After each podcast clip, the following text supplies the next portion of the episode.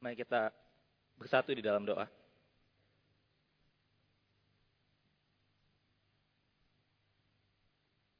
Tuhan biarlah di pagi ini lagu yang kami nyanyikan betul sungguh Engkau berikan kepada kami. Buka mata kami Tuhan supaya kami benar-benar melihat kerajaan Allah yang Engkau ingin nyatakan melalui firman-Mu. Bukalah telinga kami Tuhan supaya kami sungguh-sungguh mendengar Injil yang diberitakan itu dan hati kami siap menerimanya. Dan bukalah mulut hambamu menyatakan kebenaran tersebut dengan setia. Kau kudus tolong kami. Demi Kristus Yesus kami berdoa. Amin. Shalom jemaat yang dikasih Tuhan. Puji Tuhan hari ini di tengah tahun baru Imlek. Masih di dalam suasana Imlek. Kita bisa tetap datang beribadah di hadapan Tuhan. Sebelum kita masuk di dalam perenungan firman Tuhan hari ini. Saya meminta lektor, Penatua Peter untuk membacakan teks yang akan kita renungkan pagi ini.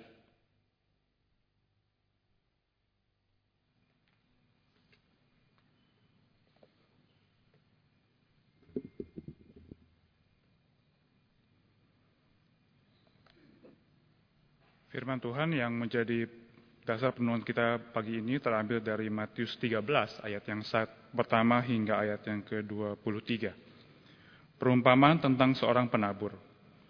Pada hari itu keluarlah Yesus dari rumah dan duduk di tepi danau. Lalu datanglah orang banyak berbondong-bondong dan mengerumuni dia. Sehingga ia naik ke perahu dan duduk di situ, sedangkan orang banyak semuanya berdiri di pantai. Ia menyampaikan banyak hal dalam perumpamaan kepada mereka. Katanya, adalah seorang penabur keluar untuk menabur. Pada waktu ia menabur, sebagian benih itu jatuh di pinggir jalan, lalu datanglah burung dan memakannya sampai habis. Sebagian jatuh di tanah yang berbatu-batu, yang tidak banyak tanahnya, lalu benih itu pun segera tumbuh karena tanahnya tipis. Namun sesudah matahari terbit, layulah tanaman itu dan menjadi kering karena tidak berakar. Benih yang lain jatuh di tengah semak duri, lalu makin besarlah semak itu dan menghimpitnya sampai mati benih-benih lain jatuh di tanah yang baik, lalu berbuah. Ada yang seratus kali lipat, ada yang enam puluh kali lipat, ada yang tiga puluh kali lipat. Siapa bertelinga, hendaklah ia mendengar. Kemudian datanglah murid-muridnya dan bertanya kepadanya, Mengapa engkau berkata-kata kepada mereka dalam perumpamaan? Jawab Yesus, Kepadamu diberi karunia untuk mengetahui rahasia-rahasia kerajaan surga, tetapi kepada mereka tidak. Sebab siapa yang mempunyai, kepadanya akan diberi, sehingga ia berkelimpahan. Tetapi siapa yang tidak mempunyai, apa pun yang ada padanya akan diambil darinya. Inilah sebabnya aku berkata-kata dalam perumpamaan kepada mereka. Sekalipun melihat, mereka tidak melihat. Sekalipun mendengar, mereka tidak mendengar dan tidak mengerti. Jadi, terhadap mereka genaplah nubuat Yesaya yang berbunyi, kamu akan sungguh-sungguh mendengar, tetapi tidak mengerti. Kamu akan sungguh-sungguh melihat, tetapi tidak memahami. Sebab hati bangsa ini telah menebal, dan telinganya berat mendengar, dan matanya melekat tertutup, supaya jangan mereka melihat dengan matanya, dan mendengar dengan telinganya, dan mengerti dengan hatinya, lalu berbalik sehingga aku menyembuhkan mereka. Namun berbahagialah matamu karena melihat, dan telingamu karena mendengar Sebab sesungguhnya aku berkata kepadamu, banyak nabi dan orang benar ingin melihat apa yang kamu lihat, tetapi tidak melihatnya. Dan ingin mendengar apa yang kamu dengar, tetapi tidak mendengarnya. Karena itu, dengarlah arti penumpamaan penabur itu. Kepada setiap orang yang mendengar firman tentang kerajaan, tetapi tidak mengerti, datanglah si jahat dan merampas yang ditaburkan dalam hati orang itu. Itulah benih yang ditaburkan di pinggir jalan. Yang ditaburkan di tanah yang berbatu-batu artinya orang mendengar firman itu dan segera menerimanya dengan gembira. Namun tidak ber, ia tidak berakar dan tahan sebentar saja. Apabila datang penindasan atau penganiayaan karena firman itu, orang itu pun segera murtad. Yang ditaburkan di tengah semak duri artinya orang yang mendengar firman itu, lalu kekhawatiran dunia ini dan tipu daya kekayaan menghimpit firman itu sehingga tidak berbuah. Yang ditaburkan di tanah yang baik artinya orang mendengar firman itu dan mengerti, dan karena itu ia berbuah. Ada yang seratus kali lipat, ada yang enam puluh kali lipat, ada yang tiga puluh kali lipat. Sedemikian jauh pembicaraan firman Tuhan. Terima kasih Penatua Peter sudah membacakan teks yang kita akan renungkan pagi ini. Sekali lagi saya menyapa kita semua, Shalom. Selamat tahun baru Imlek, Kung Si Sin Yen Meng En. Selamat tahun baru, rahmat Tuhan beserta kita. Saudara Imlek biasa dikaitkan dengan kumpul keluarga, lalu kita makan bersama. Imlek juga dikaitkan biasa dengan cerita-cerita seputar uh, peristiwa Imlek itu. Misalnya mitologi melawan naga gitu ya. Kenapa kita bersuka cita? Oh karena naganya sudah kalah, lalu kita bisa senang gitu ya. Kita pakai baju warna merah. Atau kalau di dalam perayaan-perayaan kita melihat ada barongsai gitu ya, itu melambangkan naganya. Dan yang terpenting, biasa jadi penekanan. Imlek terkait dengan berkat ya. Angpau ya. Saya dulu kecil diajarin. Kung si facai, pau nalai. Gitu ya, nyari uang begitu ya. Jadi ayo kita, kenapa senang waktu Imlek? Karena kita akan keliling ke rumah saudara, lalu yang anak-anak itu akan dapat angpau gitu ya. Karena kita uh, senang sama berkat. Tapi saudara Imlek juga terkait sebenarnya dengan festival musim semi. Makanya kalau kita lihat begitu ya, Chinese New Year itu biasa juga dirayakan sebagai Spring Festival. Kenapa? Karena Imlek pertama kali dirayakan sebagai penanda dari datangnya musim semi. Saudara melihat sejarahnya Imlek dimulai pertama kali pada dinasti Shang. 4000 tahun yang lalu. Dan jatuh pada waktu para petani itu mulai aktivitas pertanian seperti menggemburkan tanah dan menabuhkan benih. Mereka nggak bisa tanam, saudara, karena sebelumnya itu adalah musim dingin. Ketika musim dingin, tanah itu tertutup oleh lapisan es. Benih itu nggak bisa masuk ke dalam tanah dan tidak bisa menghasilkan kehidupan bagi tumbuhan itu. Tetapi ketika musim semi datang, Tanah sudah siap menerima benih untuk ditaburkan. Tanah sudah siap menumbuhkan tanaman dan menghasilkan buah. So dari sini kita menemukan satu kebenaran. Bahwa hidup matinya sebuah benih. Sebuah tanaman. Tergantung pada tanahnya. Tergantung pada tanahnya. Saudara kebenaran ini juga yang kita temukan di dalam cerita Yesus, di dalam teks yang kita baca hari ini. Matius pasal 13 merupakan rangkaian perumpamaan yang berfokus pada satu tema utama, saudara.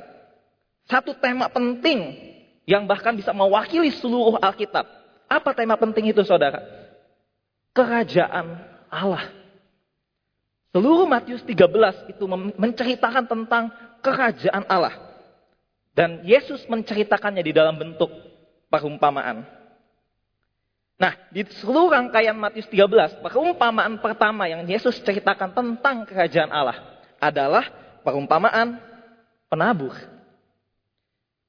Kita familiar kan ya saudara dengan ceritanya ya. Perumpamaan tentang penabur. Singkatnya saudara, ada seorang penabur yang menaburkan benih. Dan benih itu jatuh di atas empat jenis tanah.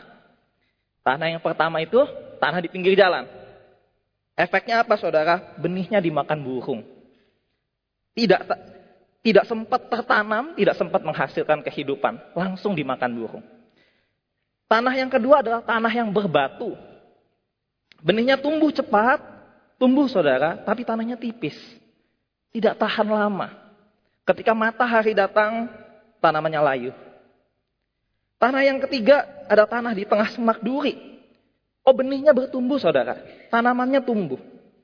Tapi semak durinya juga tumbuh. Dan makin besar dan makin menghimpit tanaman tersebut sampai mati. Dan tanah yang keempat adalah tanah yang baik. Tanaman itu bisa bertumbuh dan berbuah menghasilkan e, buah 100 kali lipat, 60 kali lipat, 30 kali lipat. Kira-kira itu yang Yesus beritakan. Itu yang Yesus ceritakan. Lalu saudara kalau kita melihat di ayat 9 setelah Yesus ceritakan perumpamaan itu. Yesus mengungkapkan satu kalimat perintah yang penting. Satu kunci untuk memahami seluruh bagian ini. Apa kata kerjanya saudara? Di ayat 9 Yesus berkata, mendengar. Kata kerja cuma satu saudara. Dengarlah.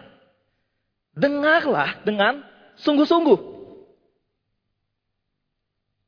Mas saudara, saya ingin menyoroti dua hal penting di dalam perikop ini yang akan menjadi perenungan kita hari ini. Yang pertama saudara, kerajaan Allah berarti bagi mereka yang mengerti. Tetapi tersembunyi bagi mereka yang tidak peduli. Betul-betul berarti bagi mereka yang mengerti, tetapi tersembunyi bagi mereka yang tidak peduli. Poin kedua yang akan kita renungkan adalah kerajaan Allah menuntut respon hati yang tepat. Nah kita akan melihat satu-satu ya. Yang pertama kita lihat, kerajaan Allah itu berarti bagi mereka yang mengerti. Tetapi tersembunyi bagi mereka yang tidak peduli. So, kalau kita lihat konteks di dalam cerita perumpamaan ini, Yesus keluar dari rumah. Sebelumnya Yesus mengajar di dalam rumah, tapi kali ini di pasal 13, Yesus keluar dari rumah.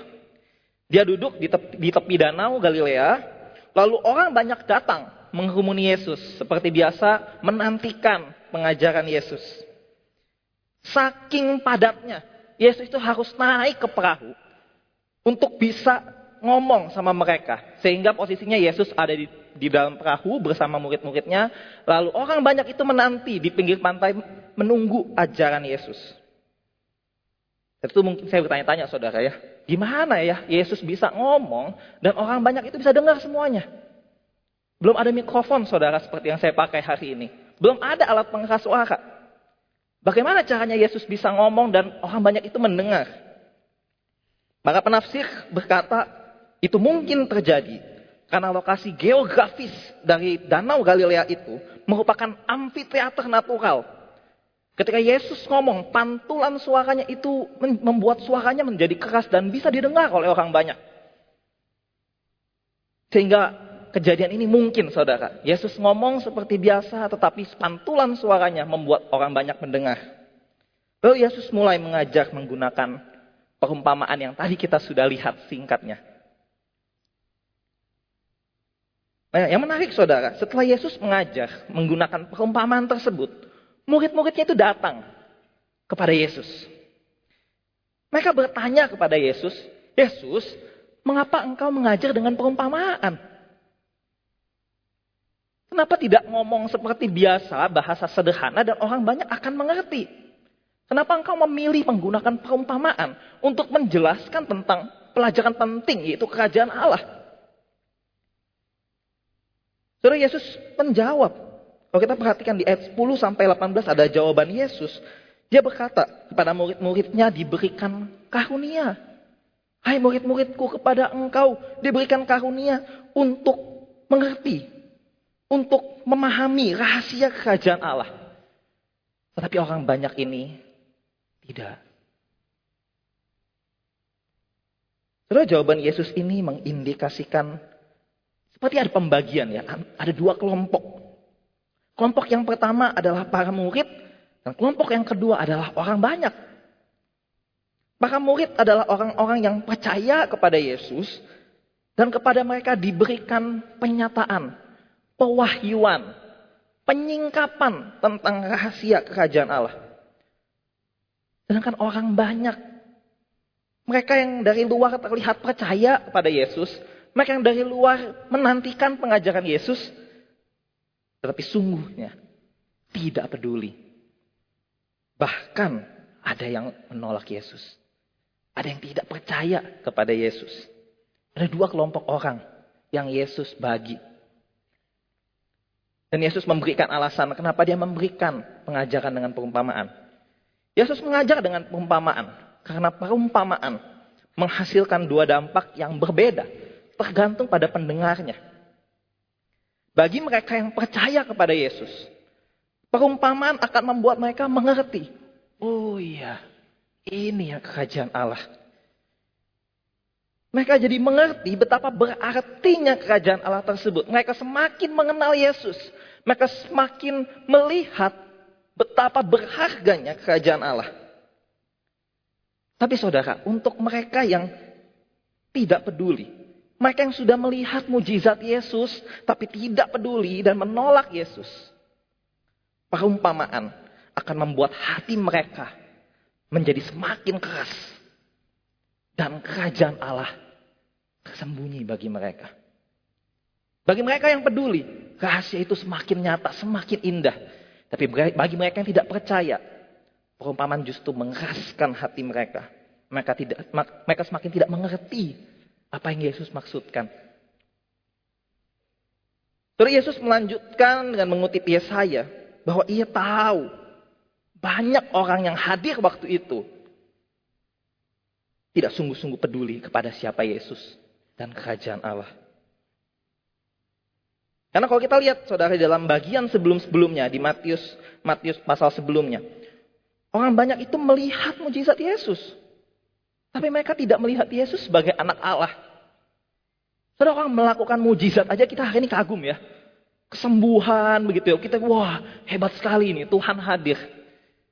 Saudara orang banyak waktu itu melihat sendiri Yesus melakukan mujizat dan bukan cuma sekali saudara.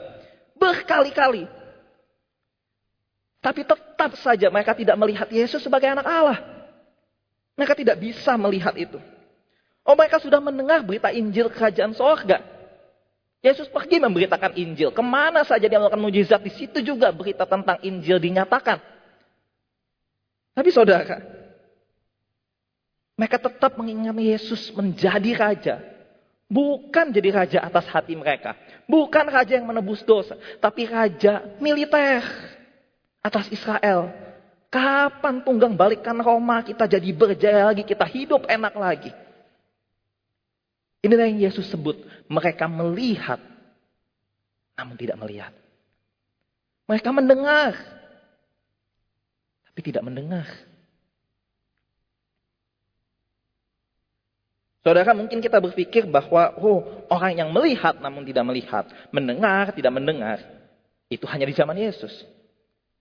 Tapi saya mau berkata, saudara, hari ini juga ada saudara. Orang-orang yang mungkin kelihatannya mendengar tapi tidak mendengar. Melihat tapi tidak melihat. Saudara, pernahkah saudara bercerita kepada seseorang curhat begitu ya? Aduh, saya ada masalah, saya bergumul. Lalu orang itu dengerin, dengerin cerita kita. Hmm, ya, ya, hmm, iya, iya. Tapi tidak benar-benar mendengarkan saudara. Kelihatannya dengerin di depan, kita ngomong, dia ada di situ, orangnya ada, tapi dia tidak sesungguhnya mendengarkan kita. Dia tidak mengerti ceritanya, responnya tidak tepat. Oh dan mungkin di sini kita bertanya-tanya. Ini orang beneran gak sih dengerin saya? Ini orang beneran gak sih peduli sama saya? Ini contoh orang yang mendengar, tapi tidak mendengar. Kupingnya terbuka. Cerita kita masuk. Tapi dia nggak peduli. Dia nggak ngerti ceritanya. Contoh lain saudara. Tahun 2019 seorang wanita Prancis mungkin berusia 80-an akhir. Sedang membereskan rumahnya karena dia ingin pindah rumah. Lalu ia ingin membuang sebuah lukisan. Lukisan tua yang sudah lama tergantung di dapur rumahnya. Dia melihat lukisan ini, lukisan ini, aduh sudah tua gitu ya. Ngapain saya bawa-bawa ini? Udah usang. Buat apa saya bawa-bawa? Saya pengen buang saja. Namun keluarganya berkata nanti dulu, ibu nanti dulu. Kita undang dulu seorang ahli untuk menaksir benda-benda ini sebelum dibuang atau dijual. Lalu ketika sang ahli itu datang, Mata sang ahli itu tertuju pada lukisan yang ada di dapur itu. Dia terpana melihat lukisan itu. Lalu dia menilai harga lukisan itu bukan yang murah saudara. Tapi bisa mencapai ratusan ribu euro. Ini bukan cuma lukisan asal lukisan nih. Tapi ini lukisan legendaris. Nah setelah diselidiki lebih jauh saudara. Lukisan tersebut berjudul Christ Mocked, karya Cimabue. Seorang pelukis legendaris Italia tahun 1200-an. Ketika dilelang harga lukisan tersebut terjual dengan harga 26,8 juta euro. Jauh melampaui apa yang diperkirakan awalnya. Saya yakin saudara, wanita tua itu sudah lihat lukisan itu setiap hari. Dia mau masak, dia mau apa, selalu lihat. Ah, lukisan ini lagi. Aduh, lukisan tua ini lagi. Tiap hari, tiap hari, bertahun-tahun dia lihat lukisan itu. Tapi dia tidak melihat betapa berharganya lukisan itu. Sampai seorang ahli datang dan memberikan nilai yang tepat. Seseorang bisa mendengar, tapi tidak mendengar saudara.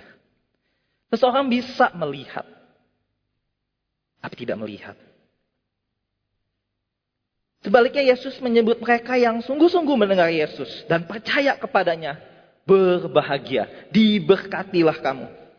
Sebab rahasia yang ingin dilihat oleh para nabi itu ditunjukkan sekarang kepadamu.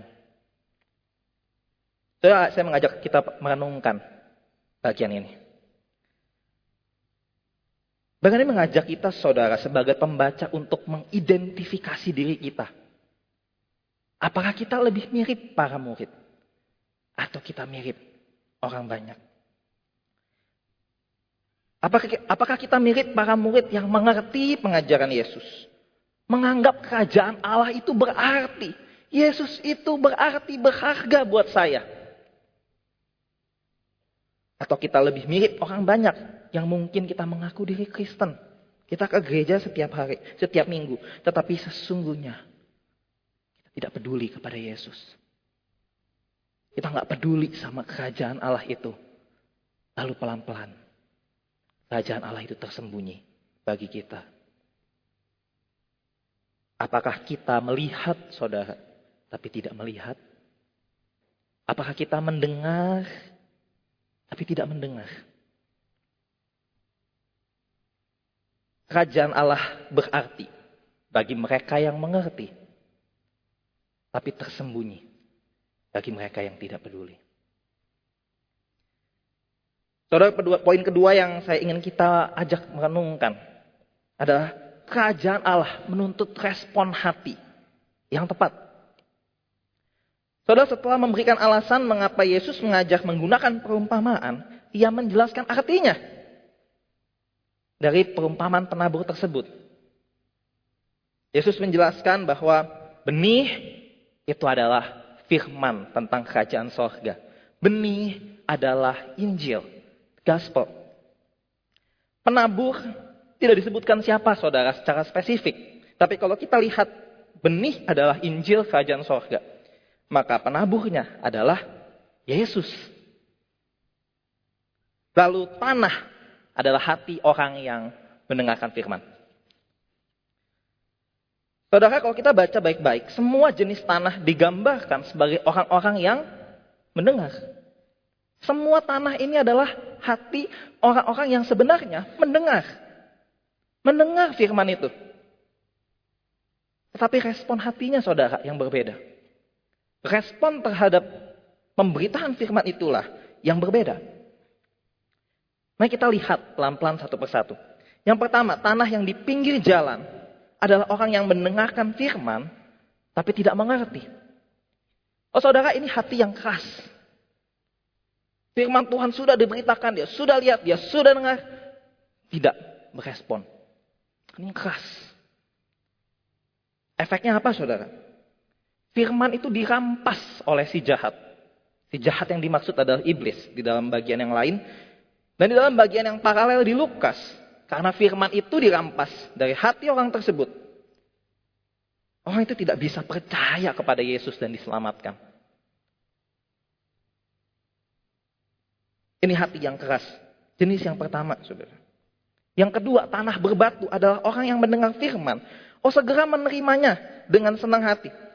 Tapi firman itu tidak berakar. Dan hanya tahan sebentar saja. Ini adalah hati yang di permukaan saja. Hatinya tidak dalam.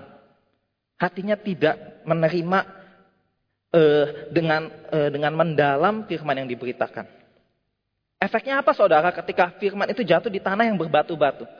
Di tanah yang permukaan saja ini. Ketika penindasan datang, ketika masalah menghampiri, orang-orang seperti ini akan langsung meninggalkan Tuhan. Saudara kita tahu uh, teologi kemakmuran ya saudara. Yang kita tidak percaya tapi sering diberitakan. So, saya pikir ini contoh uh, hati yang di permukaan jika ini terus yang jika teologi ini terus yang diajarkan. Ikut Tuhan, pasti sukses. Ikut Tuhan, pasti dapat berkat yang banyak, melimpah. Oh kasih puluhan, nanti Tuhan lipat gandakan. Seolah-olah ikut Tuhan untuk cuan. Ikut Tuhan untuk mendapatkan keuntungan. Saya mau berkata tinggal tunggu waktunya. Jika ini yang dipercaya kita tinggal tunggu waktunya.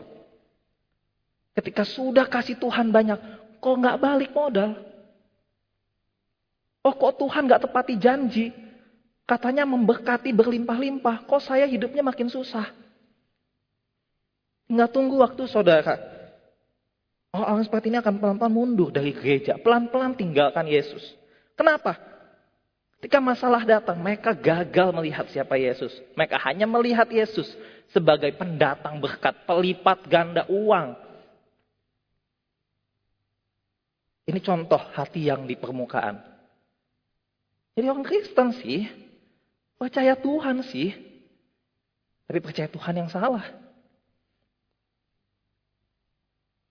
Saudara, tanah yang ketiga adalah tanah di semak duri. Itu adalah orang yang mendengar firman Tuhan.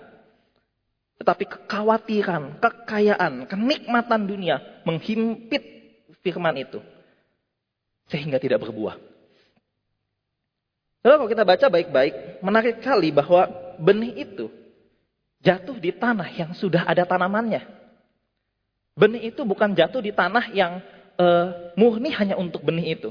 Tapi sudah ada tanamannya, yaitu semak duri. Artinya saudara firman itu tumbuh di hati yang terbagi. A divided heart.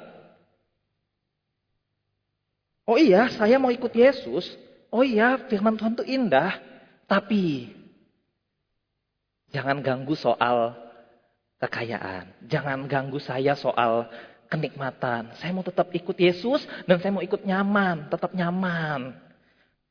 Kalau perintah Yesus itu membuat kenyamanan saya terganggu, entah dulu Tuhan. Saudara semak duri digambarkan sebagai kekhawatiran yang menghimpit firman itu. Efeknya apa saudara? Tidak berbuah. Yesus berkata, firman benih itu tidak bisa berbuah, tidak menghasilkan apa-apa. Tidak membawa dampak bagi orang lain. Ini jenis tanah yang ketiga saudara, tanah hati yang terbagi. Gak fokus hanya untuk firman, untuk Kristus, untuk Injil. Tapi ada yang lain. Lalu tanah yang keempat adalah tanah yang baik. Itu orang yang mendengar firman, mengerti, menyimpannya di dalam hatinya, dan menghasilkan buah. Ini adalah hati yang berbuah.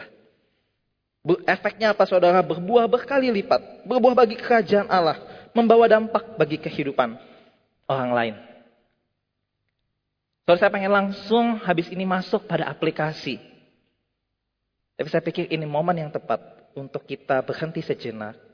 Dan mengingat betapa pentingnya peran karya Kristus di dalam hidup kita berkaitan dengan perumpamaan ini.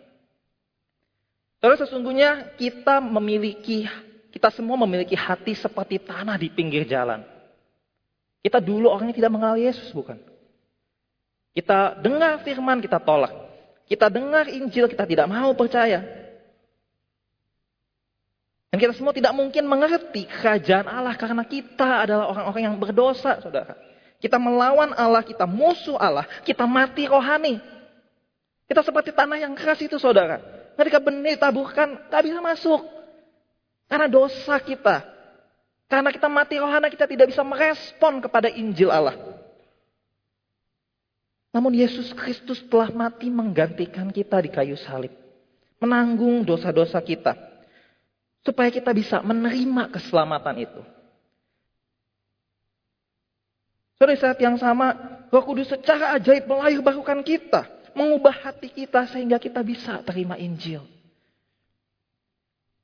Seperti yang Yehezkiel katakan, kita itu diberikan hati yang baru, saudara. Hati yang lembut. Hati yang bisa merespon terhadap Injil. Hati yang kepadanya disingkapkan rahasia kerajaan Allah. Jika kita sungguh-sungguh percaya kepada Kristus, hati kita bukan lagi hati yang pertama saudara. Bukan hati yang keras. Bukan hati yang menolak Injil.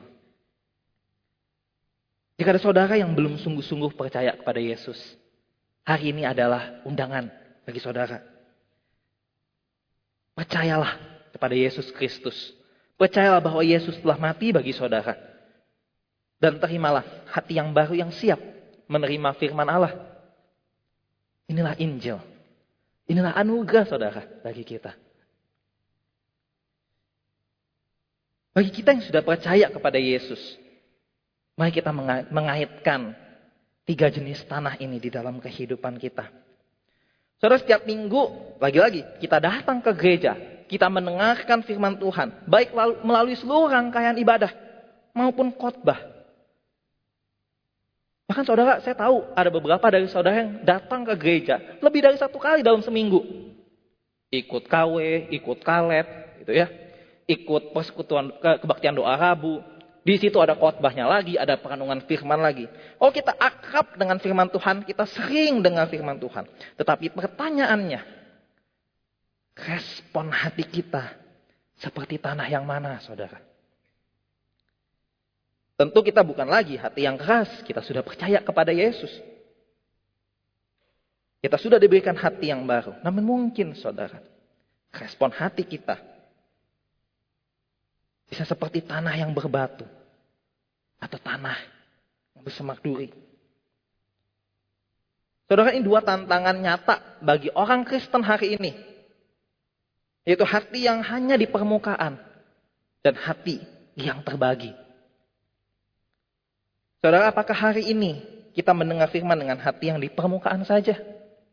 Apakah hari ini kita hanya mau mendengar firman yang menyenangkan telinga kita? Oh menjanjikan hidup ikut Tuhan pasti enak tanpa masalah. Jika iya saudara, ketika masalah datang, kita akan mundur ikut Tuhan. Kita akan pelan-pelan berkata, aduh, jadi orang Kristen susah ya. Resikonya terlalu banyak. Enggak deh. Saudara sadarilah bahwa Kristus justru menempuh masalah, menempuh penderitaan, menempuh kematian agar engkau dan saya bisa selamat dan menerima hidup kekal. Dari kita orang-orang yang percaya, masalah bisa datang dan silih berganti. Tetapi penyertaan Tuhan selalu menyertai. Jangan menyerah ikut Tuhan. Bahkan ketika kehidupan kita mengalami kesulitan dan masalah, saudara. Kristus sudah bayar harganya. Kita sudah lunas dibayar. Bukankah itu pengorbanan yang lebih besar dari segalanya? Yang kedua saudara, apakah hari ini kita dengar firman Tuhan dengan hati yang terbagi? Kita bisa saja aktif di gereja saudara. Melayani Tuhan sungguh-sungguh. Tapi di saat yang bersama, di saat yang sama, kita masih simpan berhala. Ada sesuatu di dunia ini yang kita masih cintai. Dan kita berdoa kepada Tuhan, oh Tuhan, saya mau ikut engkau. Tapi jangan sentuh yang ini. Tuhan saya mau kasih semuanya, hidupku kepadamu saya mau persembahkan. Tapi Tuhan, keluargaku jangan disentuh-sentuh ya kekayaanku jangan diambil ya. Oh, aku mau ikut Tuhan. Tapi Tuhan yang nyaman-nyaman aja ya. Kalau Tuhan udah tuntut komitmen yang lebih, kalau minggu lalu kita dengar firman disuruh untuk hidup radikal, berkorban buat Tuhan, siap rugi untuk Tuhan, berkomitmen. Aduh Tuhan, jangan ya. Saudara, apakah ini hati kita, ini respon kita terhadap Tuhan? Lupakah kita bahwa Kristus justru mengorbankan segalanya. Dia fokus ketika di Taman Getsemani itu pada misi penyelamatan kita. Sehingga ia rela menyerahkan bukan hanya kekayaannya, posisi kedudukannya di sorga. tapi juga nyawanya bagi kita. Bagaimana mungkin saudara untuk pribadi yang sudah mati bagi kita, berkorban bagi kita, kita berkata kepada Yesus, "Tak dulu ya Tuhan, bisa dinego enggak? Aku hitung-hitungan ya Tuhan." Saudara, mari kita berdoa agar Allah memampukan kita memiliki respon hati yang tepat terhadap kerajaan Allah itu. Seperti tanah yang baik yang menyimpan firman itu. Mengertinya, memahaminya, menaatinya, dan percaya. Sehingga itu memberi dampak bagi kehidupan orang lain. Bila kita hidup menjadi orang-orang yang sungguh-sungguh melihat betapa berharganya pengorbanan Kristus di salib dan indahnya kerajaan Allah, hidup bersama Allah di tengah berbagai masalah dan penderitaan. Sehingga kita rela hidup menghasilkan buah bagi kerajaan Allah. Membawa orang-orang mengenal Kristus dan kerajaannya. Mari kita berdoa.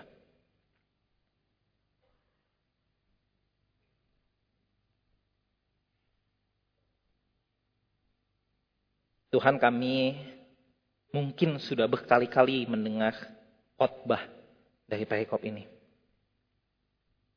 Bahkan mungkin waktu kami dari sekolah minggu, kami sudah tahu ceritanya.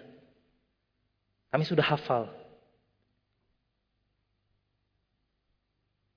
Tapi biarlah kami tidak menjadi orang-orang yang merasa sudah terlalu familiar sama firman Tuhan.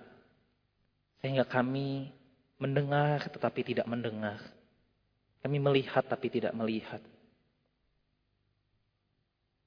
Tuhan jangan biarkan hati kami seperti hati yang di permukaan saja. Yang mau ikut Tuhan ketika enak-enak, tapi ketika masalah datang kami tinggalkan Tuhan. Kami lupakan Tuhan. Oh Tuhan jangan biarkan hati kami seperti tanah yang disemak duri. Yang terbagi yang melupakan pengorbanan Kristus bagi kami sehingga kami hitung-hitungan waktu ikut Tuhan.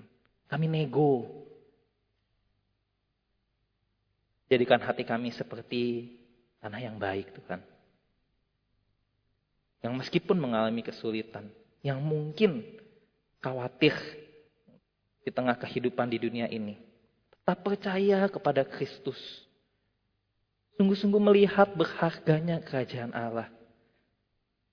Dan kami mau ikut Tuhan sampai akhir.